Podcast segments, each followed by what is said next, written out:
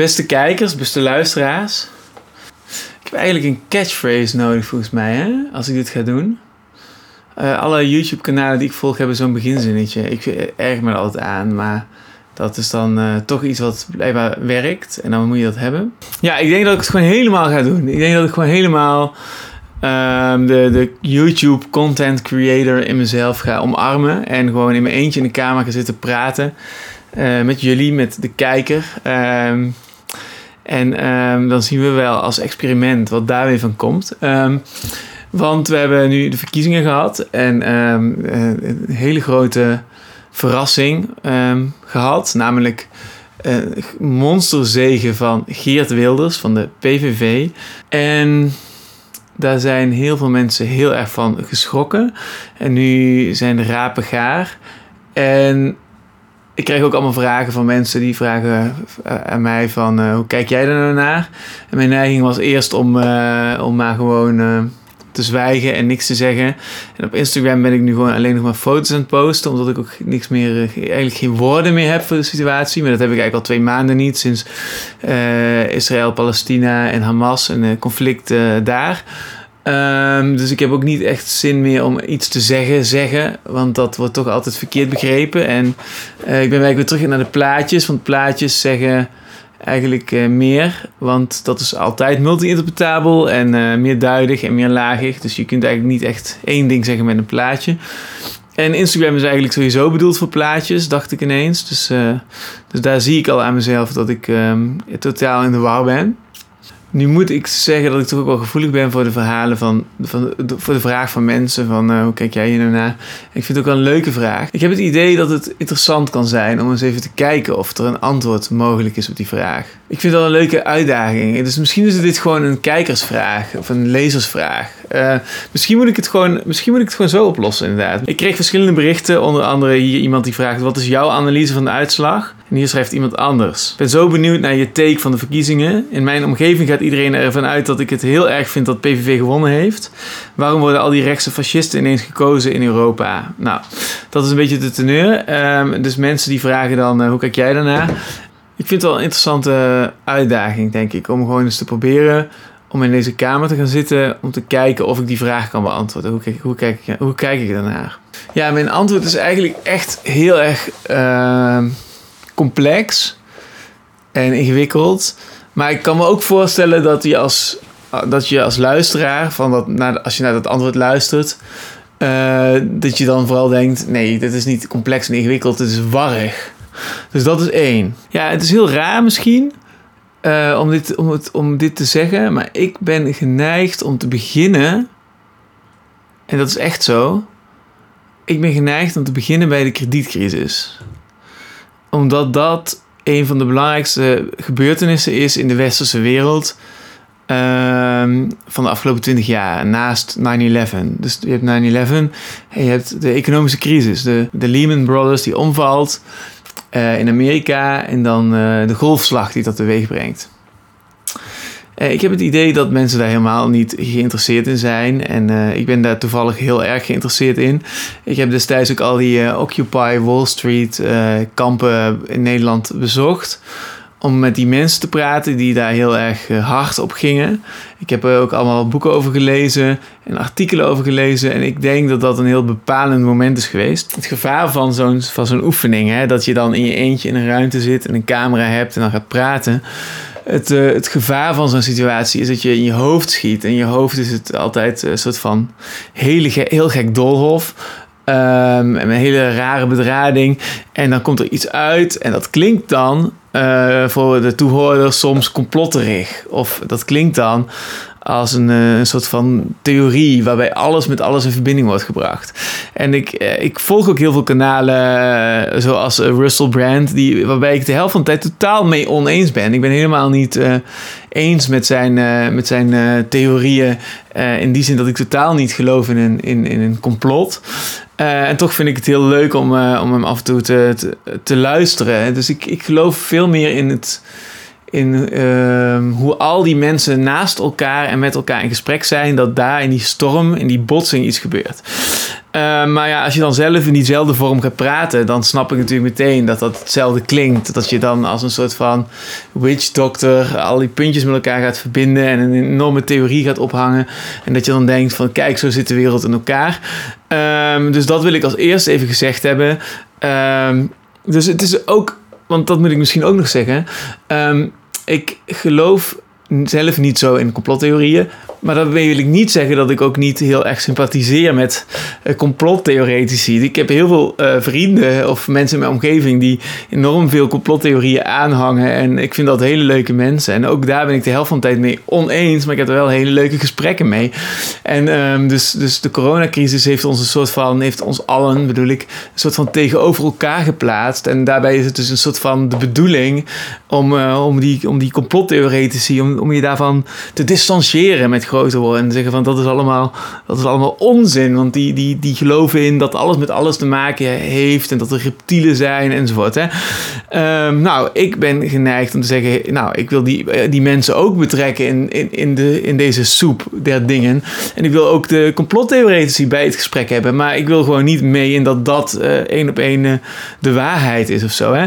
Dus ik, wat ik eigenlijk altijd voorstel um, als ik. Um, als ik uh, met een complottheoreticus aan het praten ben, is oké, wat ik probeer is, uh, wat ik denk ik probeer te doen is, uh, ik probeer niet te zeggen het is een complottheorie, ik probeer ook niet te zeggen het is geen complottheorie. Wat ik probeer te zeggen is, laten we eens kijken of we de beredenering, of we de redenering kunnen maken zonder aan de complotten te raken. Dus het is eigenlijk meer een soort van denkoefening of een schakenoefening. Ik denk namelijk dat het een heel groot deel van wat er aan de hand is te beredeneren valt zonder de complotten. En terwijl je toch wel uh, elementen gebruikt van wat die complottheoretici te, ter tafel brengen. Dus dat is denk ik wat ook nog belangrijk is om even voor te sorteren. In, als ik de gedachte verken van hoe zijn we hierin beland. Nou, en dus met dat gezegd hebbende kunnen we kijken naar die um, kredietcrisis. Uh, of de, ja, de economische crisis van 2008, 2007, 2008 en, uh, en de jaren daarna. En, um, want um, je zou. Ik, ik heb altijd het idee dat daar ook heel veel mensen het gevoel hebben dat daar uh, mensen aan de touwtjes hebben getrokken. Maar ik vind, wat ik zo belangrijk vind aan, deze casuïstiek, de kredietcrisis, is dat je ziet dat er eigenlijk allerlei actoren zijn geweest in het veld die los van elkaar uh, hun dingen hebben gedaan. En dat dat alles bij elkaar in een soort chaos-theorie uh, in een soort van uh, optimale, optimale stormsfeer terechtgekomen is. En dat dat heeft uiteindelijk de, de, het, het eerste domino-steentje doen omgooien. En dat is prrr, helemaal gaan, gaan vallen. En da daardoor is het ingestort. En de film die dat voor mij het allerbeste laat zien is The Big Short. The Big Short is een film uh, uit 2012 geloof ik. Uh, of 2014, rond die koers. En daarin zag je eigenlijk, het, dat is eigenlijk gebaseerd op een, op een boek van iemand, een non-fictieboek, die, die verschillende portretten heeft geschreven van die mensen die dicht op die crisis zaten. En daar zie je eigenlijk heel goed hoe, Um, hoe, die durfkapitalisme, hoe die durfkapitalisten bezig waren, hoe uh, de gokkers bezig waren in dat spel, maar ook hoe uh, Goldman Sachs erin stond en hoe die credit default swap ontworpen werd en hoe allerlei uh, actoren en belangen en radertjes op elkaar inwerkten, waardoor dat systeem omkukelde. En dus ik vind eigenlijk altijd um, dat een heel goed voorbeeld zodra er een uh, crisis is. En dat hebben we eigenlijk ook, dit kun je één op één, zou ik zeggen, vertalen naar wat er met COVID is gebeurd. Dat um, los van um, hoe mensen naar die complotten kijken, er heel veel verschillende actoren in het spel zijn die allemaal bij elkaar hun eigen belangen nastreven. En wat, wat dan uh, zich op, opeenstapelt doordat dat systeem omvalt. En de, het resultaat eh, is, is niet, is niet uh, gering. Het is, uh, ik, ik wil eigenlijk een citaat voorlezen. Dit is de, de aftiteling van The Big Short. En daar staat dan... When the dust settled from the collapse... 5 trillion dollars in pension money... Real estate value... 400,000 uh, dollars of savings and bonds has, has had disappeared. 8 million people lost their jobs, 6 million lost their homes. And that was only in the USA. Dus dit is, dit is het resultaat geweest van die crisis. Dus in de westerse wereld hebben miljoenen mensen hun baan verloren, hebben miljoenen mensen hun, hun huis verloren en, ehm, en hebben miljoenen mensen hun geld verloren. En die, al die mensen, die zijn er nog.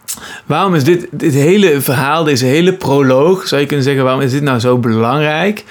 Om, ehm, dat is omdat ik dit, dit heb ik heel sterk in mijn hoofd als ik nu kijk naar links of links progressief beleid. Dus wat je hebt gezien aan de afgelopen verkiezingen is dat iemand als Frans Timmermans, die heeft, uh, die, die, die leidt dan nu, die geeft leiding aan, of die geeft een gezicht aan een nieuwe vorm van uh, links geluid. En dat is een alliantie met GroenLinks en met eh, PvdA. En um, ik denk dat het probleem van links is al heel lang dat er geen goed verhaal op links is die daadwerkelijk um, de, de, de daadwerkelijke dagdagelijkse zorgen van mensen in heel Nederland uh, adresseert. Um, dus die, heel veel van die mensen, dat zijn diezelfde mensen die ik net uh, voorlas van de kredietcrisis in Amerika. Dat, dat zijn ook heel veel mensen in, in Nederland die, die daar door geraakt zijn. En uh, dat zijn hele concrete problemen. En dat gaat over huisvesting, het gaat over eten, dat gaat over uh, primaire levensbehoeften. Dat is gewoon heel erg simpel. Hoe overleef ik? Uh, de situatie op een dagelijkse manier. En dan kun je natuurlijk nu heel veel statistieken gaan, gaan aanhalen. En, laten we dat allemaal niet doen. Ik denk dat die voorbeelden talrijk zijn en heel makkelijk te googlen zijn. Uh, dus die heb je zo gevonden als je daar een beetje induikt. Um, ik kan ook een voorbeeld van mezelf geven. Ik doe tegenwoordig de boodschappen bij de Lidl. De Lidl is samen met de Aldi de goedkoopste supermarkt. En ik zit er regelmatig uh, met over te verbazen dat ik zelfs dan al kan denken van... Goh, wat zijn de tomaten duur of zo? Wat zijn de komkommers duur? En dat zijn dan hele simpele dingen. Uh, als ik al denk van uh, wat zijn de tomaten duur in de Lidl... Dan, dan, en ik, ben, ik heb naar mijn idee best wel de schaapjes op het droge inmiddels... dan, dan kun je wel nagaan wat, het, wat de armste 20, 30 procent van Nederland denkt. En, en je leest ook regelmatig berichten over dat mensen gewoon de eindjes niet aan elkaar geknoopt krijgen. Dus er is gewoon heel concreet, hele letterlijke, hele ja, concrete armoede. Sinds, uh, zeker sinds die kredietcrisis. En, en, en, en natuurlijk ook heeft daar het VVD-beleid van de afgelopen 15 jaar zeer aan bijgedragen. Wat ik dus heb gezien in de afgelopen verkiezingen is dat zo iemand als Timmermans, die probeert om iets gemeenschappelijks te vinden uh, een soort uh, common cause tussen GroenLinks en PvdA. En die gaat dan juist op thema's zitten die naar mijn idee wel misschien voor hem en voor de, zijn achterban belangrijk zijn, maar die niet per se uh, resoneren met uh, links in een bredere, klassiekere zin des woords, namelijk uh, de, de herdistributie van schaarse middelen en primaire levensbehoeften. Dus hij gaat dan bijvoorbeeld enorm flirten met Rob vanuit zijn EU-achtergrond als klimaat. Europarlementariër en gaat het heel erg op klimaat gooien. En daarmee wil ik absoluut niet zeggen dat dat niet heel erg belangrijk is. En uh, ik heb zelf ook, uh, dus ik heb, ik heb al het idee, ik, ik stel heel vaak kritische vragen over klimaat. Maar uh, dan denken mensen dat ik dus, dat, ik dus dat niet ondersteun. maar dat is natuurlijk flauwekul. Ik heb jarenlang voor Greenpeace gewerkt. Ik heb jarenlang me zorgen gemaakt over het klimaat.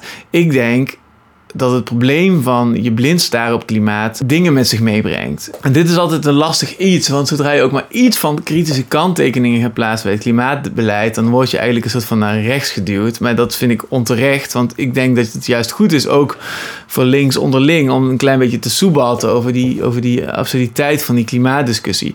En ik denk dat als je naar de zorgen voor het klimaat gaat kijken, dat je daar een holistische benadering voor moet toepassen. En eh, we zien allemaal dat er, dat er veel verandert in het klimaat. En uh, je kunt het hebben over de, de, het uitsterven van diersoorten. En je kunt het hebben over, uh, over massasterfte. En je kunt het natuurlijk hebben over de bio-industrie en over gifgassen en over al die dingen. Uh, ik denk dat dat allemaal hele belangrijke onderwerpen zijn.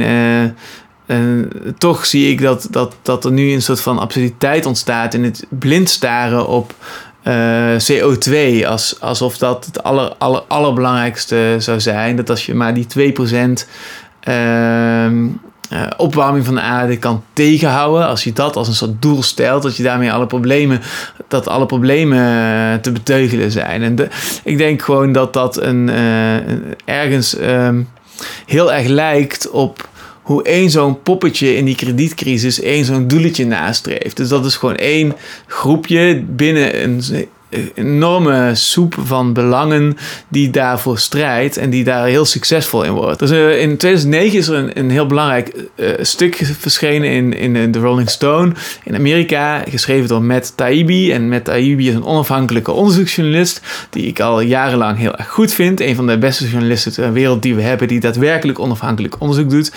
En, hij, en dit is een stuk, dat heb ik al, ik weet niet, ik, elk jaar, elke twee jaar probeer ik dat stuk te delen op mijn... socials. Maar ik heb nog nooit ook maar iemand gehoord die dat heeft opgepikt. Of iemand die heeft gezegd van, oh interessant dat je dat gedeeld hebt. Dus het voelt ook altijd een beetje alsof ik een soort van uh, heel saai, droog stuk roggebrood uh, serveren als, als verjaardagstaart of zo. En dat, dat aan het eind van de dag dat weer blijft liggen of zo. Dus het is ook een beetje, altijd een beetje tricky om met deze bron te komen. Want ik denk dat niemand erop zit te wachten. Maar ik vind het zelf een van de belangrijkste teksten van de afgelopen nou, 10, 12 jaar. Want het is geschreven in 2009. Meteen na die kredietcrisis. Hij had onderzoek gedaan naar destijds naar die... Uh, wat hij dan de Great American Bubble Machine noemt. Met Taibbi heeft eigenlijk uh, met dat stuk aangetoond dat juist die bank Goldman Sachs op een heel cynisch level uh, al over een periode van decennia eigenlijk speelt met die markt. Zonder zich te bekommeren om moraliteit of wat dan ook. En uh, Goldman Sachs heeft ook een enorm aandeel ges gespeeld in die kredietcrisis. Want wat hebben ze gedaan? Zij hebben eigenlijk samen met die, dat, die acteur die uh, in The Big Short ook wordt gespeeld door. Uh, Christian Bale, dat personage, dat is natuurlijk ook een echt figuur. Um, en in het echt heet hij uh, Michael Burry volgens mij. Die Michael Burry die ging naar Goldman Sachs toe en die zegt ik wil tegen de huizencrisis wedden. Ik wil wedden dat dat systeem omvalt. En dat was, ik weet niet of mensen die dezelfde leeftijd als ik hebben of nog ouder zijn, of die zich dat nog kunnen herinneren. Maar vroeger zeiden mensen: de huis is de enige investering die nooit uh, omlaag gaat, maar altijd alleen maar omhoog gaat. En als je een beetje verstand hebt van geld en geldstromen, dan denk je dat kan helemaal niet. Hoe kan er nou één commodity zijn die niet, uh, waarvan de curve niet zo is, zoals eigenlijk alle commodities zijn, maar die, uh, die alleen maar zo gaat. En uh, hij is dan de eerste die, dan, die, dat, die dus die error ontdekt in dat systeem en die die bubbel ziet en die zegt van ik ga tegen dat systeem wedden. En, hij, en Goldman Sachs is zo cynisch om dan hem dat te laten ontwerpen, want die, denkt, die, die denken van nou die gast is gek en wij gaan enorm binnenlopen op zijn weddenschap. En zo, dat is eigenlijk de, dat staat aan de wieg van die kredietcrisis. Hè? De, um, daar ergens, nou ja, goed, dat is niet de veroorzaker, die bubbel is die veroorzaker. Maar je ziet eigenlijk dat Goldman Sachs op dat moment een parasiet is op dat systeem. En die, uh, die gast die die wetenschap uh, maakt, die Michael Burry, ook ergens een parasitaire functie is. Maar hij, hij handelt weer in het belang van zijn investeerders, die die gewoon, hij, hij heeft een portefeuille en hij moet gewoon van geld meer geld maken. Dus zijn belang is ook heel helder. En op het moment dat hij dat ontwerpt, die, eh, die, die credit default swap, zoals dat ding dan heet. Op dat moment uh, Um, heeft hij dus voor het eerst een weddenschap uh, tegen dat systeem ontworpen. En uh, als uiteindelijk dat, dat, dat systeem omvalt, wordt hij ook gigantisch rijk. En Goldman Sachs wordt ook gigantisch rijk. Nou, over dit proces gaat dat stuk van Matt. En Matt zegt dan van... Eh, Goldman Sachs heeft eigenlijk al verschillende keren dezezelfde truc gedaan. Want hier zie je het bij deze crisis, hier zie je het bij die crisis.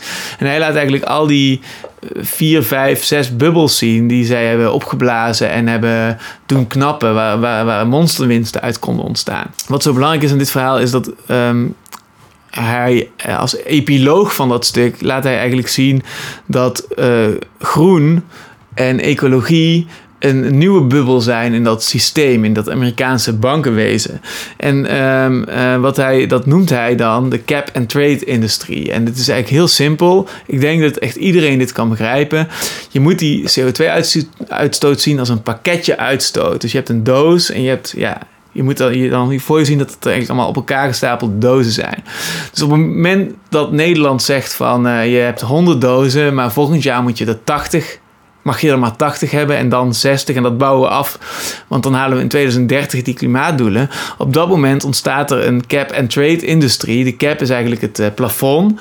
Uh, en dat plafond wordt verlaagd, waardoor er minder dozen in de, in de, in de opslagplaats kunnen. Hè? Zo moet je dat even visualiseren. Dus op het moment dat je dat plafond lager en lager en lager maakt en je hebt een fabriek die toch meer uitstoot, dan ga je die pakketjes verhandelen. Dan zeg je van nou goed, we hebben gewoon virtueel gezien nog altijd 100 pakketjes uitstoot, maar wij kopen gewoon uh, dat af doordat wij een ander bedrijf dat gaan uh, outsourcen. En op die manier is er een uh, levendige industrie ontstaan van pakketjes uitstoot over en weer. Dus op het moment dat je gaat zeggen van, uh, van we, moeten, uh, we gaan ons blind staren op CO2 en we gaan die uitstoot uh, in de gaten houden. Op dat moment hou je er dus helemaal geen rekening mee dat we er eigenlijk te maken hebben met een geglobaliseerde wereld.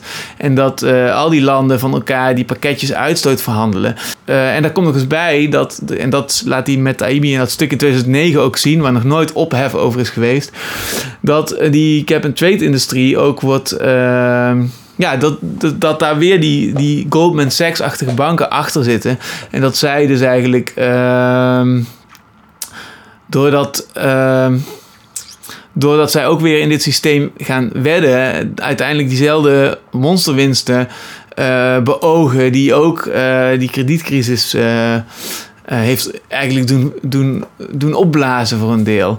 Dus het is eigenlijk, of het correleert met, die, die, die, dus die, dat cynische spel met wedden tegen het systeem wordt nu ook gespeeld met die pakketjes uh, uitstoot. Het grote verschil hier is dat, die, um, dat dit keer, in tegenstelling tot al die vorige bubbels, is ook nog eens de winst gegarandeerd. Omdat die cap, uh, die, dat plafond, uh, door overheden wereldwijd wordt opgelegd. De overheden drukken dat plafond omlaag. Dus je weet eigenlijk al de uitslag van dit, van dit touwtrekken. Je weet gewoon waar dit heen gaat op de lange termijn.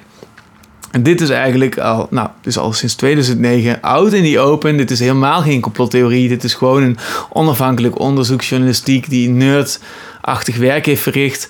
En die heeft aangetoond dat, uh, dat het op die manier, dat dit eigenlijk ook altijd meespeelt.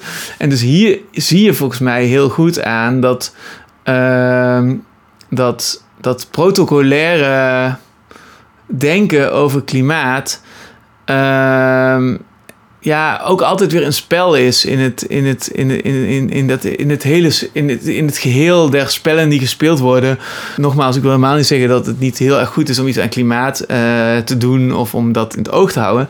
Maar ik wil zeggen dat dus zodra je dat belangrijk maakt en politiek maakt, dat je je rekening mee moet houden dat er altijd ook dit soort belangen meespelen en dit soort spelletjes worden gespeeld. En dat, dat je dus uh, er oog voor moet hebben dat. Uh, dat dat misschien er op papier heel mooi uitziet, maar dat de realiteit heel anders is. Waarmee ik nog helemaal niet wil zeggen dat je dat niet moet doen of wat dan ook, maar daarmee wil ik, wat ik alleen maar wil zeggen, is dus dat je blind staren op klimaat helemaal niet per se heel erg links is om te doen. Het is heel erg uh, sexy om te doen. Of heel erg uh, in de mode om te doen. Het is heel erg de bedoeling om als je linkse stemmers voor je wil winnen. om iets heel erg algemeens te zeggen over. Het is vijf voor twaalf en we moeten iets doen. Uh, ja, ja, enzovoort. En dat daarmee dus. dat klinkt op papier heel goed. En dat klinkt ook heel erg mooi op de camera. En je kunt het ook in één seconde zeggen op tv. En dan gaan mensen jou een beetje volgen. En, maar de, dat zegt helemaal niks over de dagdagelijkse werk werkelijkheid van mensen en over het daadwerkelijke resultaten voor mensen. Um, dus dat is denk ik een van de allerbelangrijkste dingen die, zoals ik het zie, is gebeurd. Is dat zo iemand als Frans Timmermans, die eigenlijk uh, uit, PvdA komt. Een PvdA wat eigenlijk van oudsher een arbeiderspartij is. Um, helemaal geen voeling meer heeft in de daadwerkelijke uh, linkse thema's. En eigenlijk uh, ja, dus dat klassieke salonsocialisme uh, bedrijft. Hè. En iemand zei ook gisteren van, van ja, hij, hij, doet, hij doet naar buiten toe alsof hij in een, in een arbeiderswoningje of in een, in een sociale huurwoning woont. Maar hij heeft intussen een gigantische villa waar hij in woont. En volgens mij houdt hij dat ook een beetje geheim. En dat is ook precies um, een probleem. Dat je dus ziet dat, dat zo iemand als Frans Timmermans uh, ja, de, uh, daar op die manier in staat. Dus dat is eigenlijk het allerbelangrijkste om als eerste te zien. Namelijk dat de PvdA helemaal niet links is, maar doet waarvan zij veronderstellen dat dat links klinkt of op een linkse manier sexy klinkt voor een groep kiezers die ze eigenlijk voor, voor hun, voor hun uh, zaak willen verleiden. Dan is het denk ik ook belangrijk om in te zien dat er een aantal mensen zijn die worden gezien als rechts, uh, die eigenlijk het omgekeerde doen. Nou, een heel goed voorbeeld is nu Pieter Omtzigt. Die, uh, er zijn verschillende pogingen gedaan om Pieter Omtzigt heel erg rechts over te laten komen. En hij wordt dus ook steeds gepakt op en op immigratie en op, uh, ook heel interessant, op uh, hoe hij denkt over vrouwenrechten vrouwenemancipatie, homorechten, LGBTQ en die dingen. En een heel goed voorbeeld is in het NOS, uh, uh, of nee, wacht, er was, er was een uh, uitzending van Nieuwsuur, geloof ik. Ik weet niet of ik dit goed zeg, maar in ieder geval, daarin werd eigenlijk een man in stelling gebracht die een, een gemixt gezin had. En je ziet eigenlijk dat dat tegen hem wordt gebruikt. En Um, daar wordt heel erg de suggestie gewekt dat dat iets heel erg belangrijks is. En dat als je Pieter Omtzigt zou stemmen, dat je dan dus ook dat dat ook niet goed zou zijn voor juist die LGBTQ-emancipatie. Ook werd tegen hem een stelling gebracht dat hij zou hebben gestemd tegen een bepaalde abortuswettenvernauwing. Uh, wat je ook kan uitleggen als een, als een nuance. Uh, het ging er namelijk om dat hij voorstander was, of zijn partij voorstander was van de bedenktijd van vijf dagen voor, bij een abortus. En uh, dat wordt dan gebruikt om hem als niet progressief of niet uh, liberaal of niet ruimdenkend af te schilderen. Uh, en ik heb verschillende mensen gesproken de afgelopen dagen. En die zeggen dan allemaal van ja, luister, uh, ik had op mijn twintigste toen ik een abortus deed best wel uh, misschien baat gehad bij vijf dagen bedenktijd. Dus het is eigenlijk heel maf dat dat, dat, dat dat soort dingen, dat dat soort spelletjes gespeeld worden om, om, om juist iemand als Pieter Omzicht rechtser te laten klinken dan die in wezen is. Terwijl ik zou zeggen dat wat hij heeft gedaan met de toeslagenaffaire, uh, dat is volgens mij een hele grote hint in. Ja, dat is eigenlijk het, beste kijkje onder de motorkap. Wat hij doet is als alle partijen doordenderen uh, en als de, de slang zijn huid op verschillende manieren vernieuwt, dan, dan blijft hij als een soort van autistische nerd, als een soort van iemand met een bepaald soort heel erg principieel uh, denkkader met een dwangneurotische obsessie voor regelgeving wijzen op hoe dat ontstaat en wie wat fout heeft gedaan wanneer. En daarmee zegt hij volgens mij: ja, luister, ik wil gewoon dat wat, we, wat, we, wat, wat stuk is in onze rechtsstaat, dat wil ik repareren. En hij geeft ook in, dat, in diezelfde nieuwsuur-uitzending enorm veel goede voorbeelden. En dan zegt hij ook: van ja, luister, bijvoorbeeld in de COVID-crisis eh, werden we helemaal niet democratisch bestuurd, maar dat werd gewoon, alles werd gewoon in het torentje beslist. Dus hij, hij laat eigenlijk daar zien dat hij heel erg een voorstander is van het een soort van repareren van al die fouten en al, al het ondemocratische wat gaandeweg zo gegroeid is in onze, in onze rechtsstaat. Dus je kunt hem natuurlijk wel gaan afschilderen als een, als een heel rechts iemand die, die, die, die zijn bedenking heeft bij, bij eh, immigratie, wat overigens heel erg in lijn ligt met uh, hoe het CDA daarover denkt. Of iemand die helemaal niet uh, goed is voor de, voor de homo-emancipatie en dat soort dingen. Maar dan zie je dus helemaal niet waar voor hem de focus ligt en ook waar de focus hoort te liggen. Dus dat is eigenlijk dan uh, ook een belangrijk uh, element. En dan heb je natuurlijk ook nog Geert Wilders zelf, die dan heel groot is geworden. En Geert Wilders is natuurlijk extreem rechts in zijn opvattingen over immigratie. Maar hij is natuurlijk wel heel links op allerlei andere vlakken. En dat is dus het maffe eraan. En dan heb je nog de, de boerenburgerbeweging. En, en, en eigenlijk uh, wat, je daar, wat, wat je bij de boerenburgerbeweging ziet, is volgens mij heel erg ook weer in lijn met, met alles wat, wat er tot nu toe is opgebouwd. Want je ziet daar ook dat, uh, dat uh, zodra die, die, die, stikstofdoelen op dezelfde manier als die CO2 uh, uitstoot. Ja, we hebben in Nederland natuurlijk wel echt een stikstofprobleem. Dat, dat, dat, dat, dat zie ik ook. maar ik zie ook dat de manier waarop daarmee omgegaan wordt, dus door boeren uit te kopen en nou misschien hebben die die boeren wel al eh, van, van vader op zoon generaties lang een boerderij. En het lijkt mij toch heel maf om dan van de een op de andere dag eh, ineens degene te zijn die, dan, uh, die, die daar dan uit moet. Omdat daar dus gewoon, gewoon omdat je dicht bij een Natura 2000 gebied woont. En, en er is besloten op een soort van met een liniaal en een passer, op, dat het op papier allemaal het gewoon niet goed voor jou uitziet. En nu heb ik ook wel weer gehoord, en daar moet je natuurlijk ook wel eerlijk over zijn, dat hoe boeren tegenwoordig. Uh, dat we, we hebben natuurlijk allemaal een soort van romantisch beeld van een boerderijtje en een boer en, uh, en zijn gezin die dan op de boerderij wonen en dat land bewerken en zo. Iemand vertelde mij van de week dat uh, dat hij een boer kende die gewoon een flatje in Eindhoven heeft. En die gaat gewoon naar zijn bedrijf, de boerderij. En dat is op het platteland. En dus je kunt dat ook heel erg op afstand runnen. Dus je moet het ook niet romantiseren.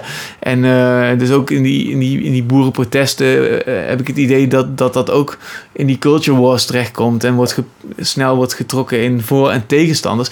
Maar ik denk wel dat je, dat je kan zeggen dat, dat net als die pakketjes uitstoot. En hoe daar zo'n bankensector, zo'n bankaire sector daar bemoeienis in heeft. Dat datzelfde ook voor een deel kan gelden voor de boeren. Dus op dat op, dus je ziet eigenlijk dat de, dat de boerenburgerbeweging die achterban aanspreekt, die daar eigenlijk uh, gek worden van dat protocolaire en die eigenlijk uh, weer voeling met realiteit willen. Je ziet eigenlijk ook dat uh, Omtzigt ook precies die mensen aanspreekt, die gek worden van dat protocolaire, van die toeslagenschandalen en daar herkennen die Groningen mensen zich ook weer in.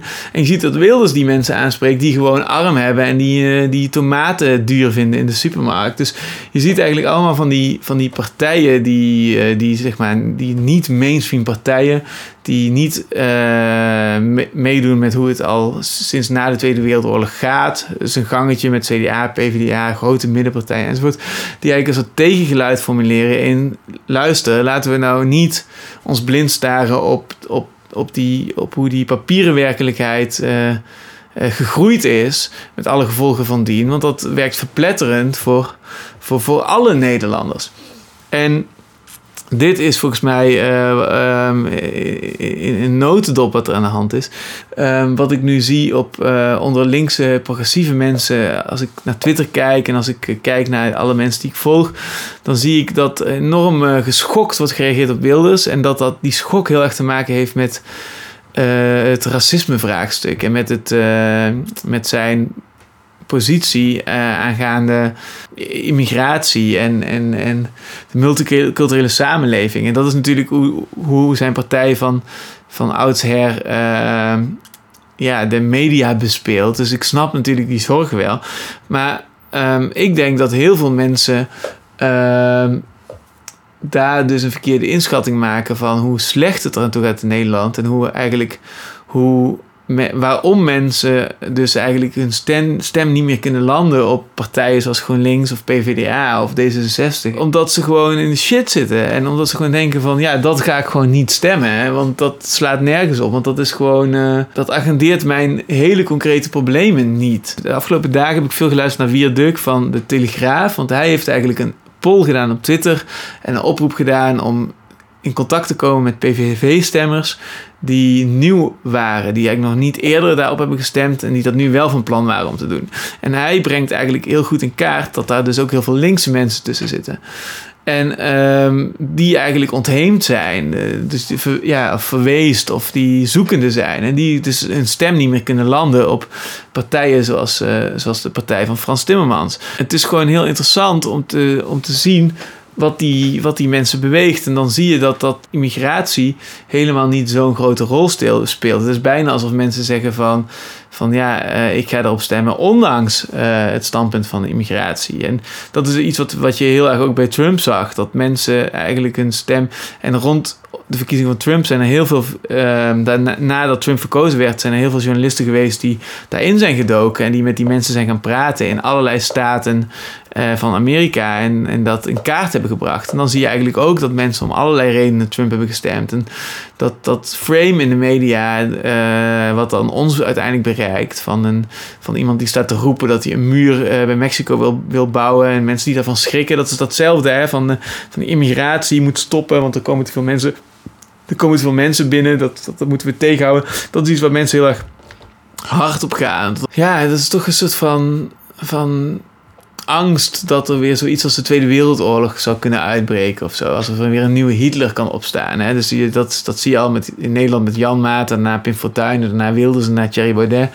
Dat is een soort van. Uh, dat is eigenlijk de angst. Uh, en als Trump uh, opstaat, is dat ook een beetje de angst. En, maar uiteindelijk zie je gewoon dat heel veel mensen helemaal niet daarmee bezig zijn. En gewoon bezig zijn met gewoon, ja, kan ik, kan ik mijn tomaten nog wel betalen? Want het is gewoon onbetaalbaar. We hebben nu laatst met, de, met, de, met vorig jaar vanwege Oekraïne en Rusland wordt de gasprijs dubbel zo hoog.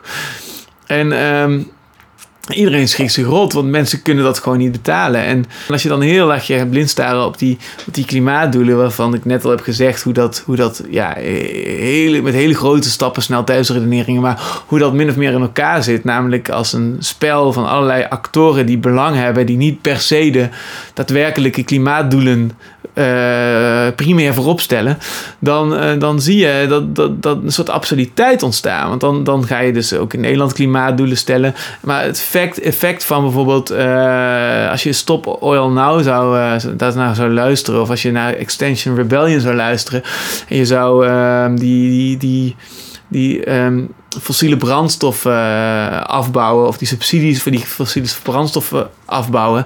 Dan ten eerste geldt nog steeds wat ik net zei over die pakketjes. Dan, dan ruil je gewoon die pakketjes uitstoot uit met andere landen, zoals China of India of weet ik veel met waar die handelsverdragen dan mee zijn. Dus je lost helemaal het klimaatprobleem niet op. En tegelijkertijd zorg je ervoor dat die olie, olieprijs explodeert. Maar als de olieprijs explodeert, dan wordt al je eten gewoon dubbel zo duur, drie dubbel zo duur, vier dubbel zo duur. Want eh, olie is gewoon uh, olie zorgt ervoor dat vrachtwagens rijden. En vrachtwagens zorgen ervoor dat supermarkten eh, bevoorraad worden. En, dan, en, dan, en, die, en die prijzenoorlog zorgt ervoor dat die prijzen laag blijven. En als dat niet gebeurt, dan kun je wel fluiten naar je goedkope eten, dan is het eten gewoon heel duur. En die mensen in Amsterdam die ik dan dit weekend, eh, of die ik dan deze week spreek, de, de, de, de hartstochtelijke salonsocialisten, die kunnen natuurlijk prima voor 12 euro uh, een, een, stukje vlees betalen in de markt met een Q. En die kunnen prima uh, 4, 3, 4 euro betalen voor een zakje tomaten. Maar de, de, de, de meeste mensen hebben dat geld gewoon niet. En die zijn gewoon ja, die zijn gewoon de lul. Als, dus als je dus zeg maar. En dit is, dit is alleen maar nog een heel oppervlakkig level van. Uh, de allereerste verhandeling in die klimaatdoelen. En dan kun je natuurlijk het gesprek hebben van ja, maar hoe moeten we dat dan adresseren? Nou, daar moet je dus, daar moet je dus over in gesprek gaan. En, en het helpt dus niet om dan te gaan roepen van uh, het moet uh, zo. En anders gaan we daar aan. Want dan heb je dus niet in gesprek met de mensen die daadwerkelijk lijden onder de maatregelen. Om nog maar te zwijgen over. Um, als je dus, zeg maar, het hebt over elektrisch rijden, dan moet je dus auto's gaan, uh, gaan kopen van minimaal 20, 30.000 euro. En dat kan niet goedkoper gemaakt worden, want die batterijen, die accu's zijn heel duur. En die zullen ook altijd heel duur blijven, want die mineralen zijn heel schaars. Um, dus, en in een wereld waar mensen op een 40ste, op een 50ste nog niet eens hun, studieschuld kunnen terugbetalen. Uh, en uh, dat geldt dan voor de zelfs rijkere helft van de mensen. En die men, uh, in die wereld kun je helemaal niet van alle mensen verlangen dat ze elektrisch gaan rijden. En, en, en dus even die investering kunnen gaan doen. En nogmaals, misschien zijn dit allemaal hele belangrijke dingen uh, om na te streven. Maar het zijn geen linkse dingen om na te streven. Het zijn dingen die uiteindelijk zijn weggelegd voor een kleine elite. En die elite, dat zijn gewoon de nieuwe, ja, dat noemen we nu linkse mensen. Maar dat zijn gewoon eigenlijk uh, rechtse mensen. Of je zou kunnen zeggen dat, dat links gewoon een elite is geworden. En dat rechts opkomt voor de algemene belangen. Wat een soort absurde omkering van dat, hele, van het hele veld, van het hele systeem is. Dus dat is volgens mij wat je ziet gebeuren nu. Dat, dat, die, uh, dat die wereld uh, helemaal binnenstebuiten gekeerd is. Wat je nu ziet uh, op links, op progressief links, is eigenlijk een hele absurde reactie. Namelijk dus Wilders wint. Echt met een absurde hoeveelheid stemmen. 37 zetels volgens mij. Terwijl extreem rechts altijd sinds Pim Fortuyn altijd min of meer hetzelfde zetelaantal heeft gehad. Ongeveer 24. Dat kun je gewoon op Wikipedia teruglezen als je al die uh, zetelverdelingen leest. Dus van, van, van min of meer 24 naar 37, dat zijn dus 13 zetels meer. Dat, terwijl je, je hebt al min of meer in kaart gebracht in, in Nederland hoe groot dat electoraat is voor, voor extreem rechts gedachtegoed. Dat is helemaal niet zo groot als 37 zetels laat zien. Dus er zitten heel veel andere mensen bij. Dus je zou verwachten dat zo'n winst van Wilders in Nederland een gesprek op gang zou brengen. In, of een soort van introspectie of een gedachte van hoe kan dit? Of hoe is dit mogelijk? Of waar heeft het mee te maken? En dan zou je dus, ja, ik, dit zijn dus mijn gedachten die ik erover heb. Maar iedereen heeft zijn eigen gedachten. Dat gesprek zou je eigenlijk willen hebben. En in plaats daarvan zie je eigenlijk een enorme uh, impuls om, om, om, om en dat is echt absurd. Je, je, vanavond uh, in Amsterdam is er een, is een demonstratie tegen de verkiezingen, tegen de verkiezingsuitslag. Dus, dus ja, hoe ondemocratisch wil je het hebben? Dus een, een demonstratie die, die wil zeggen dat, dat, de uitslag, dat ze de uitslag niet accepteren. Terwijl het gewoon een democratische uitslag is. In plaats van dus naar binnen te keren en te kijken uh, wat dat met je doet en waar het vandaan komt, waar het mee te maken heeft en waarom die, die, die linkse stem niet uh, kan landen op die, op die linkse partijen en waarom die, die linkse mensen dan op, uh, op Wilders of op Baudet of op een nieuw sociaal contract gaan stemmen. het is eigenlijk gewoon heel absurd wat, wat, wat er dan gebeurt vervolgens. En ja, dus progressief links eh, laat zichzelf heel erg kennen en, en, en komt heel erg kinderachtig eh, over als ze niet tegen een verlies kunnen. En de enige verklaring daarvoor um, die ik kan zien is dat heel veel mensen um, eigenlijk vinden dat er maar één oplossing is. En gewoon namelijk hun oplossing. En dus heel veel links progressief mensen zijn, zijn, zich, zijn ook bezorgd om het klimaat. En dus is de opvatting ook van ja, we moeten wel uh, iets doen. Uh, en het is namelijk 5 voor 12 en we moeten nu iets doen, dus wij moeten de leiding hebben. Maar dat is ondemocratisch en dat is niet hoe het werkt. Uh, en wat ik ook al voorbij heb zien komen, is dat, dat, dat mensen dan Ehm, berichten gaan posten met de winst van Wilders. En dan, en dan boos worden op dat er weer vier jaar niks met het klimaat gebeurt. Maar dat men, tegen dat soort mensen zou ik willen zeggen van weet je wel hoe, het, hoe dat proces van wetgeving werkt. Want meestal is het zo dat de meeste wetvoorstellen, uh, ja, die doen er acht, misschien twaalf jaar over voordat dat implementeert in een samenleving. En ik zou zeggen dat wat bijvoorbeeld omzicht wil, is namelijk iets repareren van de architectuur. Dat is op een veel duurzamer level iets aanleggen, waardoor we daar misschien 100, 200, 300, 800 jaar mee vooruit kunnen. Uh, en soms moet je eventjes een stap, paar stappen terugzetten om weer vooruit te kunnen.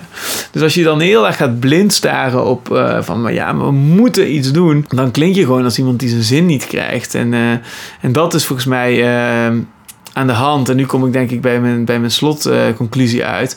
Wat er aan de hand is, is, is iets wat, ik, wat je eigenlijk al ziet met. Uh, nou, dat, dat begon eigenlijk echt op te vallen met de Brexit. En daarna kreeg je Trump. En daarna heb je het op allerlei manieren teruggezien bij de Brexit, wat daar heel opvallend was, vond ik.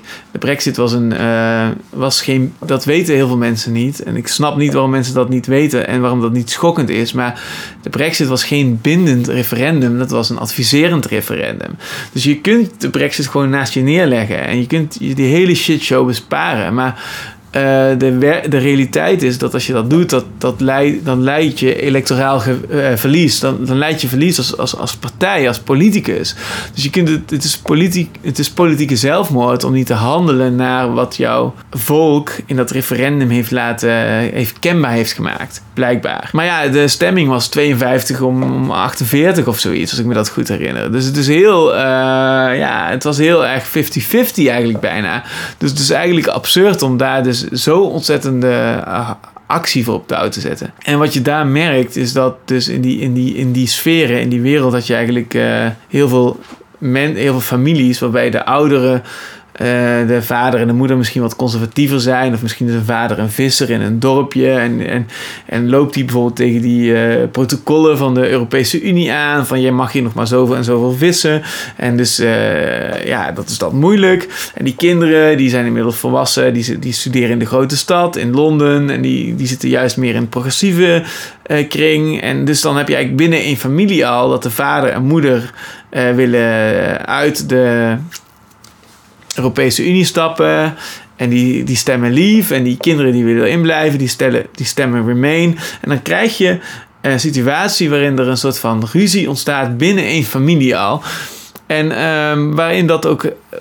Ik heb van verschillende mensen gehoord dat dat zo hard tegen hard is gegaan. Dat dat echt breuklijnen in families eh, veroorzaakt. En datzelfde zie je eigenlijk bij Trump gebeuren. Dat mensen die voor en mensen die tegen eh, Trump zijn, dat, dat, dat het zulke breuklijnen uh, blootlegt dat dat onverenigbaar wordt in, uh, bij mensen. Dat, volgens mij is dit de kern tegenwoordig van het probleem. Dat mensen zich identificeren met hun stem en met hun positie. Dus wat je dan krijgt is dat je, je hebt mensen, ja, laat ik maar weer zeggen, links progressieve mensen en die zien de werkelijkheid door een bepaalde bril. En die bril is namelijk, we moeten dit veranderen, want anders gaat het mis. En die zien dat het 5 voor 12 is. En die zien dat op alle dossiers. Dus je merkt eigenlijk dat die mensen, dat die, die eigenlijk uh, in dit pakketje denken, namelijk we moeten iets doen tegen klimaat en we moeten iets doen tegen uh, seksisme en racisme en we moeten iets doen tegen uh, transfobie en we moeten iets doen tegen al die dingen die spelen in onze samenleving. Uh, op een punt gekomen zijn, op een soort boiling point, waarbij dus de punten waar ze voor staan ononderhandelbaar zijn. En dat is iets heel absurds, want je hebt nou eenmaal te maken met een meerpartijensysteem waarbij allerlei verschillende belangen en allerlei verschillende partijen uh, samenwerken. Dus op het moment dat je zeg maar over die brexit heen walst en eigenlijk tegen al die mensen gaat zeggen van ja, maar dat kan niet, want uh, als Engeland uit de Europese Unie gaat, heb ik gezegd dat nooit meer. Dat is een onverbrekelijk verbond en we moeten als, als met een soort Europese eenheid, een Europese eenwording, die, moet, die is heilig, die moet, dat moeten we vasthouden. Daar mag geen barst, daar mag geen pres ingeslagen worden, daar mag geen krasje op te zien zijn. Op het moment dat je dat gaat zeggen tegen al die mensen die er tegenaan lopen en het daar moeilijk mee hebben, zet je, dan zet je al die mensen weg. Dus als je al die Brexit mensen wegzet, dan doet dat iets met die mensen. Want die hebben gewoon levens en hun eigen belangen en hun eigen dingetjes. En dat is een patroon wat zich allemaal herhaalt. En van de week had ik heel sterk voor ogen. Ik dacht van ja, als je naar de politiek kijkt, van wat is politiek? Uiteindelijk, we hebben een samenleving en die samenleving moet worden ingericht.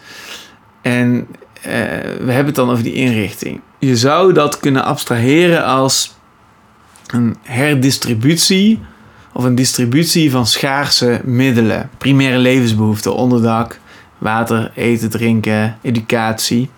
Er komen daarna nog allerlei dingen bij. Maar dat is, zou ik zeggen, de, het, allerbelangrijkste. Dus daar, daar komt ook de infrastructuur uiteindelijk vandaan en uh, planologie en hoe we dat allemaal inrichten. Je zou kunnen zeggen dat politiek dat gesprek is. En ik dacht aan een voorbeeld, namelijk stel je zou een, een kastje in elkaar timmeren. En de vraag is, hoe gaan we dat doen? Hoe gaan we dat kastje maken? Dan zouden er allerlei verschillende manieren zijn. Dus de eerste zegt van nou, je moet eerst alle schroefjes sorteren en op een rijtje leggen. Je moet al die plankjes sorteren en dan ga je een tekening, bouwtekening maken. En dan ga je dat allemaal één voor één doen.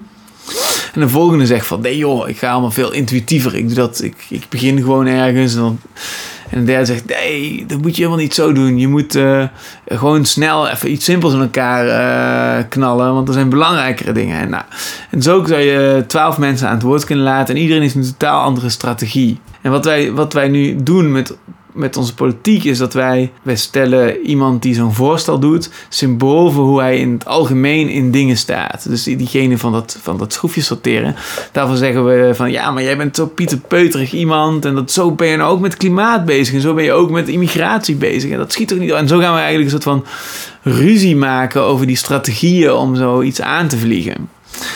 En dat is eigenlijk dus het persoonlijk maken van je, van je, van je politieke strategie en het persoonlijk maken van je, van je belang daarbij. En het is het framen van je tegenstreven, dat zijn eigenlijk allemaal trucken uh, in het spel geworden. En dat is ook wat je nu ziet. Dus eigenlijk dat zie je al dus vanaf de Brexit. Doordat je eigenlijk uh, wat jij nastreeft niet meer als een onderhandeling ziet, maar meer als een het moet nu eenmaal zo gebeuren. Op dat moment gaat het natuurlijk al op dat vlak mis. Want er, zijn er is altijd een onderhandeling over hoe dingen moeten gebeuren.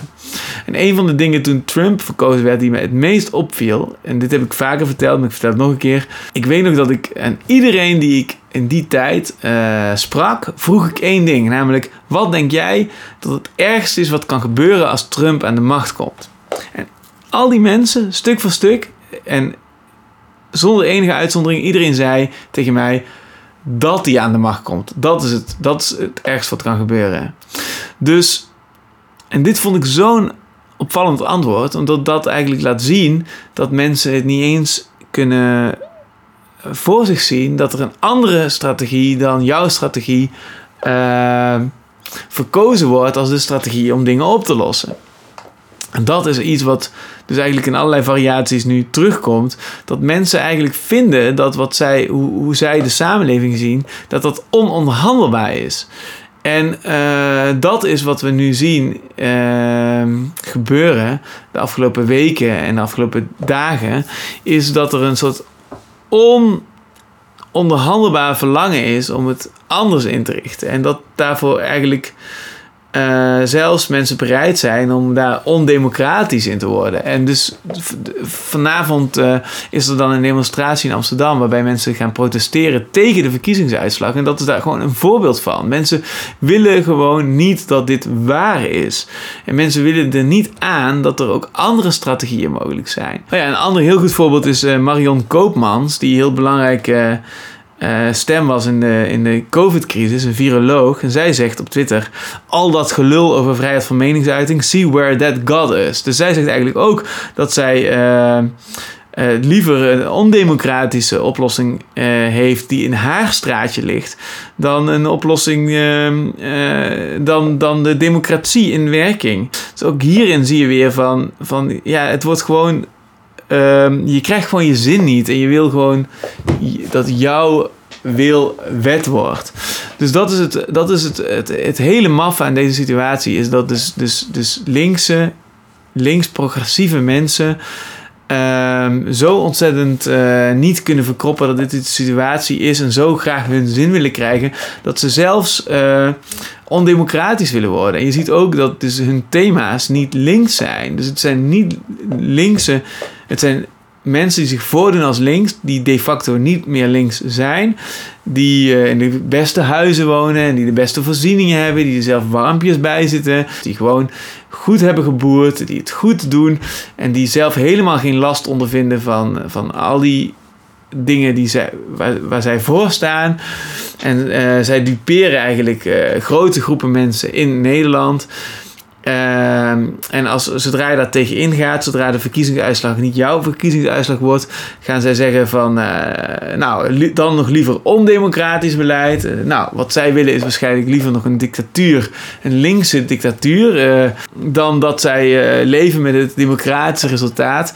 Terwijl um, die verkiezingsuitslag laat zien dat mensen op de, op de een of andere manier, op een heel andere manieren met diezelfde thema's bezig zijn. En ik was zelf ook. Um, om het af te ronden, ik was uh, zelf ook uh, op de verkiezingsavond was ik bij een event. Dat was op de Kring. En de Kring is een, uh, ook een links progressief bolwerk. Daar zitten kunstenaars, wetenschappers. Het is een sociëteit voor kunstenaars, wetenschappers en mensen die op een maatschappelijke manier betrokken zijn. daar werd ook gezegd, dat bestaat al 100 jaar. Harry Mulisch is daar nog lid van geweest enzovoort. Hè. Dus dat is best wel een, uh, een kring met een bepaalde hartstocht voor de linkse progressieve zaak. Al waren daar ook VVD'ers en andere prominenten aanwezig. Um, en uh, bij dat event merkte ik ook dat, uh, dat mensen heel erg veel hartstocht hadden en heel erg boos en verdrietig waren en daar heel erg over wilden ventileren. Uh, en ik zei ook van, van tegen, ik was een van de sprekers uh, daar en ik zei ook van, volgens mij is het zaak om naar jezelf te kijken. Wij zijn die uitslag, wij zijn dat zelf. Wij zijn zelf degene die, die, die, waar, die uitslag mee resoneert. Dus in plaats van weer een soort wij-zij verhaal van te maken, een wij-zij verhaal die doet denken aan de brexit en die doet denken aan Trump. Probeer nou eens even terug te keren naar naar, hoe dat was met Trump en hoe dat was met de Brexit. En, en probeer eens even die verhalen in herinnering te brengen van die mensen die zijn geïnterviewd. Want waaraan we konden zien dat het eigenlijk allerlei soorten mensen zijn. En probeer dat nou eens even toe te passen op het nu. Probeer nou eens even iemand als Wiert Duk mee te nemen, die. die die dus al die mensen heeft geïnterviewd en die laat zien dat het ook linkse mensen zijn die nu wilden stemmen. En op het moment dat ik dat op dat podium zei, merkte ik dat er helemaal niet echt ruimte voor was. Of dat mensen dat eigenlijk niet graag wilden horen. Of daar heel hard tegen ingingen. En, ehm, en dat, was, dat, dat mag verder. Hè. Ik wil ook verder helemaal niet daar moeilijk over doen. Uh, ik snap het ook heel goed dat die emoties uh, hoog zat. Uh, die emotie hoog zat bij veel mensen. Maar wat ik interessant vond, waarom ik de anekdote in herinnering breng, is dat de organisator na afloop met mij kwam kletsen. En hij zei tegen mij van, ja, dat was wel een interessant moment. Want, want en toen wees hij mij al die mensen aan die in dat publiek hadden gezeten. En hij zei, nou, dat is de dochter van die en die beroemde persoon. En, en zij heeft voor hem gestemd. En, en dat is de zoon van die en die beroemde persoon. En die heeft nu sociaal contract gestemd. En hij, hij ging zo heel het rijtje af. En, en iedereen in die zaal, of nou, niet, en allerlei mensen in die zaal hadden blijkbaar ook, uh, net als ik, een soort van uiteindelijk maar. Uh, ik heb mijn stem ook op, op omzicht geland. Terwijl ik, dat is het CDA. Dat is iets wat mijn vader altijd stemde. En waar ik het heel erg hartstochtelijk oneens met hem was. En terwijl ik een links iemand ben. Dus dat om aan te geven dat ik zelf ook de draad kwijt ben en heel erg uh, zoekende ben. En uh, dus dat probeerde ik, uh, dat, dat was het steentje wat ik probeerde bij te dragen aan die avond. En het was heel interessant om te merken dat dus heimelijk stiekem iedereen uh, de weg kwijt was geweest. En dat iedereen stiekem eigenlijk uh, ja, zijn, stem helemaal niet landde in de voor, voor de hand liggende bakjes.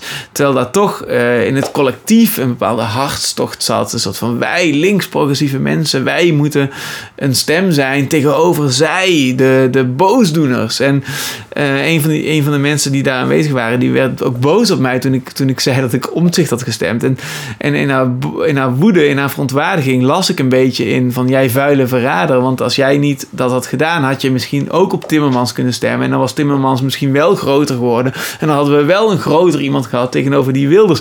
Uh, zodat hij niet de grootste was geweest. Dus er zat een soort van reflex in van, van we, moeten, we, moeten iets doen uh, en jij moet ons helpen.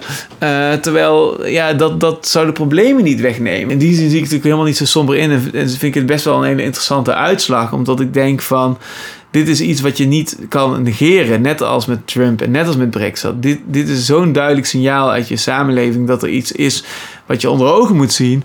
En waar je iets mee moet. En uh, waar je vervolgens naar moet luisteren. En dus als, als je dus als een soort strategische stemmer allemaal met z'n allen op Timmermans had gestemd, dan was dat onder het tapijt gebleven. En uh, terwijl eigenlijk met dat hele simpele verhaal van die pakketjes energie en uitstoot die verhandeld worden, dus maar één van de honderdduizend verhalen waardoor je dit verhaal zou kunnen vertellen. Uh, maar uh, door dat alleen maar even te zien, zie je al hoe onbeholpen dat is. En, en, en hoe dat niet het belang zou dienen voor degene die het probeert te adresseren. Wat het maf is, dat merk ik nu ook. Uh, dat merk ik ook. Uh, dat merkte ik ook die avond. En dat merk ik nu weer, nu ik aan zelf aan het oreren ben. Is dat het heel weinig uh, over Israël-Palestina gaat. Terwijl ik denk dat dat een heel belangrijk vonk in het kruidvat is geweest van deze verkiezingsuitslag. En uh, dus het feit dat daar niet accuraat op die aanslag van Hamas wordt gereageerd en dat er een soort van. dat er eigenlijk best een gekke vertraging zit in, in het ritueel van afstand nemen van die terreurdaad. Je ziet een patroon vanaf 9-11.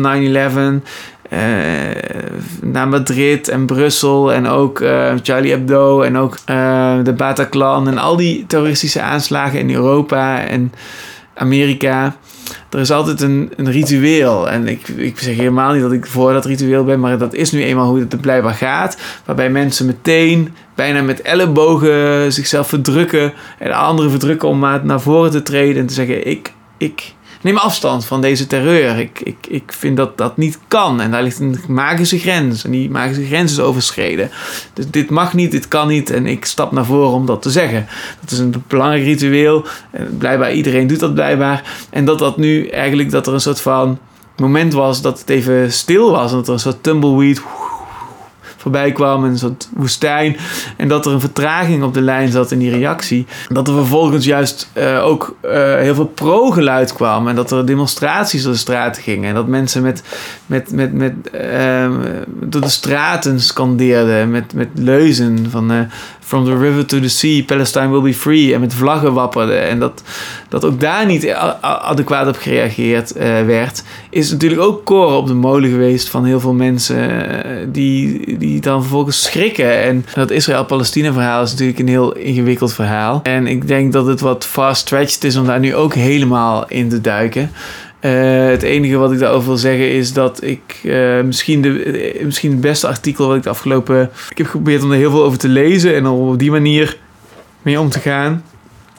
En dus ik heb in ieder geval een soort leestip ehm, voor mensen die dus die daar ook de hoed en de rand niet van weten. Of voor mensen die ook net als ik in de war zijn en niet goed te scherp uh, stellen.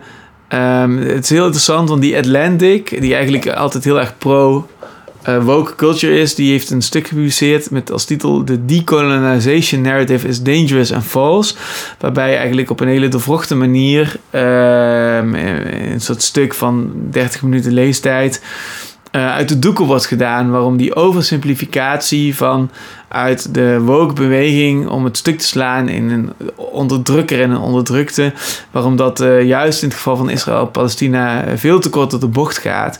En dan zie je dus ook wat, uh, wat zo problematisch is aan het, dus eigenlijk het kapen van de, van de culture wars van het, pro, van het Israël-Palestina conflict. Uh, een ander goed boek wat ik deze maand ook weer opnieuw heb gelezen, wat ik zelf heel erg goed vind, is het boek van Wessels de Gussinklo over Israël-Palestina. Dat is eigenlijk als je gewoon in een heldere Nederlandse taal wil lezen hoe het nou in elkaar zit, uh, dan kan ik dat boek ook heel erg aanbevelen. En uh, wat ik dus in ieder geval samenvattend wel kan zeggen, is dat het absoluut niet handig is om uh, mee te doen met dat geluid. wat het conflict wil simplificeren in een onderdrukker en een onderdrukte. En dat het dus simpel is en dat je dus onvoorwaardelijk achter de een moet gaan staan en de andere moet gaan. Uh, uh, uh, ja. En de ander daar moet gaan demoniseren. Um, en, en wat ik dus merk aan mijn persoonlijke omgeving en ook als ik online ga, is dat heel veel mensen dit ook zien en dus ook uh, begrijpen op een intelligente, doorvrochte manier, op een gelaagde, op een meer lagere manier. Dus ook daarin zie je dat op het moment dat de media, uh, dus eigenlijk op het moment dat de media niet handig reageert op zo'n brute terroristische aanslag. En voor het eerst eigenlijk aarzelt in wat de standaardreactie altijd is geweest. Uh, op dat moment uh, zie je dus eigenlijk die, die media-werkelijkheid. Dan zie je eigenlijk wat de invloed is van de culture wars op de media. Dus de media laat zich zo uh, eigenlijk vangen zou je kunnen zeggen, door gevoeligheden over en weer. En door dat je niet dit kan zeggen zonder dat te zeggen. En Um, laat zich eigenlijk zo manipuleren of gaslighten uh, in hoe, wat de reactie uh, moet zijn. Dat er een soort absurditeit ontstaat. Want juist in dit geval gaat het om, om, uh, om de Joden en om de beladen geschiedenis van de Holocaust. En als dat de inzet is en als er vervolgens ehm, ehm, leuzen worden gescandeerd die volgens sommigen uh, genocidaire implicaties hebben, dan is het natuurlijk niet verwonderlijk dat daar mensen zich kapot van schrikken. En uh, nog zonder daarin zelf uh, per se partij te kiezen of zo, is het heel duidelijk dat, dat, dat, dat heel veel mensen dat nu ook zien en dat dat onderdeel van de verwarring is. En dat mensen daardoor ook gaan, gaan zweven en schuiven en opschuiven. Als, ook als de politiek daar niet handig op reageert en als de media daar niet handig op reageert, gaan mensen denken van ja, dan ga ik mijn stem ergens anders landen. Namelijk bij die partijen die dat wel agenderen. En ook dat is onderdeel geworden van, van, van, van het spel. En, en ik denk dat het wel heel erg belangrijk is om dat laagje ook mee te nemen. Dus dat is denk ik, dat valt er denk ik wel samen uh, in de afgelopen tien jaar. Eigenlijk in, het, in, in de jaren sinds na de kredietcrisis, wat al een enorme crisis was, hebben verschillende dingen meegemaakt. En is er een soort van cultuurstrijd ontstaan. De culture wars zou je kunnen zeggen, waarbij mensen stelselmatig worden, worden weggezet. Brexit-mensen worden weggezet, de, de, de Trump-mensen worden weggezet, maar ook uh, de Zwarte Pieten-discussie in Nederland, mensen worden weggezet. Uh, in het racisme-debat, mensen worden weggezet. In het LGBTQ-debat, mensen worden weggezet. Wordt het transfoob genoemd. In het uh, seksisme-debat worden mensen gecanceld. In, het, in al die er worden eigenlijk allerlei ondemocratische, niet-liberale pogingen gedaan om mensen de mond te snoeren, om mensen te framen, om mensen te stickeren, om mensen te stigmatiseren. Dan krijg je COVID, mensen worden weggezet, mensen uh, moeten in lockdowns, bedrijven gaan failliet, uh, mensen krijgen steeds minder kans om zich te ontwikkelen. Ja, wat ik het maffe vind is dat mensen blijkbaar denken dat dat bewegingen zijn die niet gezien worden en die niet geleefd worden. Mensen zien dat gewoon en mensen zien hoe dat gaat en uh, mensen zijn daar gewoon klaar mee en mensen denken gewoon van ja, daar heb ik gewoon geen zin meer in. En uh, er staan andere mensen op. Mensen die op een veel concretere, op een veel uh, dagdagelijksere manier om die dagelijkse concrete zorgen bekommeren. En die krijgen dan hun stem. En dat is gewoon een verkiezingsuitslag. En al die, al die dingen, al die ontwikkelingen bouwen mee. En dit is gewoon de uitslag. En daar moet je het gewoon mee doen. En dit is gewoon waar je mee te dealen hebt. En deal ermee. En dat is denk ik uh, wat deze verkiezingen wel een stuk interessanter nog maakt dan dan een aantal vorige rondes. Omdat dit eigenlijk precies zo'n Brexit moment of zo'n Trump moment is. Waarbij je de uitslag zo stuitend en zo uh, niets ontziend is. Dat je er gewoon weg iets mee moet. Ja, dat vat het wel samen voor mij, denk ik. Ik heb. Uh, dit is best wel misschien weer chaotische samenvatting, maar dit is hoe ik er inmiddels een beetje naar kijk. Ja, hoe zeg je dat? Ik laat natuurlijk nu ook weer heel veel dingen buiten beschouwing, maar dit, dit valt het voor mij wel even samen van nu. Ik weet het verder ook niet. Ik vind het ook een hele ingewikkelde situatie. Ik moet zeggen dat ik ook geen echt, echt, echt geen zin heb in hoe dit weer onderdeel wordt van de culture wars. Hoe dit weer gepolitiseerd wordt. Terwijl het politiek is. Maar ik zei een paar weken geleden nog van, uh, van ja, weet je toen met Israël-Palestina was ik al sprakeloos en kon ik eigenlijk geen woorden vinden meer voor de absurditeit en de absurde omkering van alles. En toen zei ik nog van ja, ik heb, uh, ik heb helemaal geen. Uh, ik zei één ding, één ding is wel duidelijk, namelijk dat het elke keer nog erger wordt dan de vorige. Uh, ronde. Covid was al erg en toen kregen we nog Rusland, Oekraïne en toen kregen we nog Israël, Palestina. En alles elke keer denk je van nou, nu moet de culture wars wel voorbij zijn. Want de absurditeit is nu zo ontzettend optimaal dat, dat mensen wel moeten zien dat, dat, dat, dat het uh, in de knoop zit. En dan, dan gaan mensen toch weer nog meer double down en dan krijg je nog meer ergere culture war situatie. En, uh, en, en ik zei een paar weken geleden van ja, ik weet, niet, ik weet nog niet hoe, maar je zult zien dat het nog weer erger wordt. En ik, ik, ik vrees dat dat wel waar is, waarheid is geworden. Dat is de 37 zetels voor Wilders. Het, uh, dat wat we de culture wars noemen wel uh, ja, nog, nog meer op scherp zet. In plaats van nu eindelijk op gaat lossen. Hoewel de, de, de, de absurditeit niet groter kan. Dus zoals volgens mij heel goed op Twitter werd samengevat. Er was gisteren een demonstratie in Utrecht. Eerst een demonstratie uh, om tegengeluid te bieden tegen deze ontwikkelingen. En vervolgens een demonstratie waarbij de, de pro-Palestina uh, leuzen weer klonken. Dus eerst ben je op een, uh, tegen de democratie en vervolgens ben je, ga, je, ga je leuzen roepen waarbij Joodse mensen ook weer schrikken van genocidaire implicaties ervan. Ehm, en dat allemaal onder het mom van uh, vrijheid. Een soort angst voor wilders, dus een angst voor uh, totalitarisme en een angst voor een soort herleving van, van, van, van een soort Hitler uh, eh, 2.0 of zo. En, en, en, en met dat in je achterhoofd ga je dan eerst tegen de democratie zijn en vervolgens uh, pro-Palestina leuzen zo scanderen dat dat ook weer Joodse mensen de stuip op het lijf jaagt. Dus, en, waarbij ik absoluut niet mezelf wil positioneren in het veld, maar alleen maar wil laten zien hoeveel binnenste buitenkeringen van binnenste buitenkeringen van binnenste buitenkeringen hier tegelijkertijd uh, plaatsvinden. En dat het bijna niet meer uit elkaar te trekken is hoe, uh, hoe dat in elkaar zit. En het is gewoon uh, één grote mijnenveld geworden. Dus uh, ja, uh, wat ik altijd heel erg goed vond aan, uh, aan Fawlty Towers met John Cleese was dat die, als, als de absurditeit zo groot was geworden dat het niet meer te redden was, dan sprong hij in een rieten kist en deed hij die klep vlug dicht en die kist werd afgedragen en dan zag je de aftiteling. En ik denk dat ik dat ook maar moet gaan doen voor deze video. Dus ik spring gewoon dadelijk in de spreekwoordelijke rieten kist en dan wordt die kist afgedragen en dan is dat het einde van de video en dan Uh, en en uh, wat, wat meer weet ik ook niet over te zeggen. Ja, misschien moet ik uh, tot slot zeggen van mocht je mijn, mijn gekke poging om hier op een soort YouTube manier maar weer een soort van artistieke vertaalslag van te maken, mocht je dat waarderen. Ik kan alle steun kan ik gebruiken. Ik zou zeggen subscribe hier onder dit kanaal.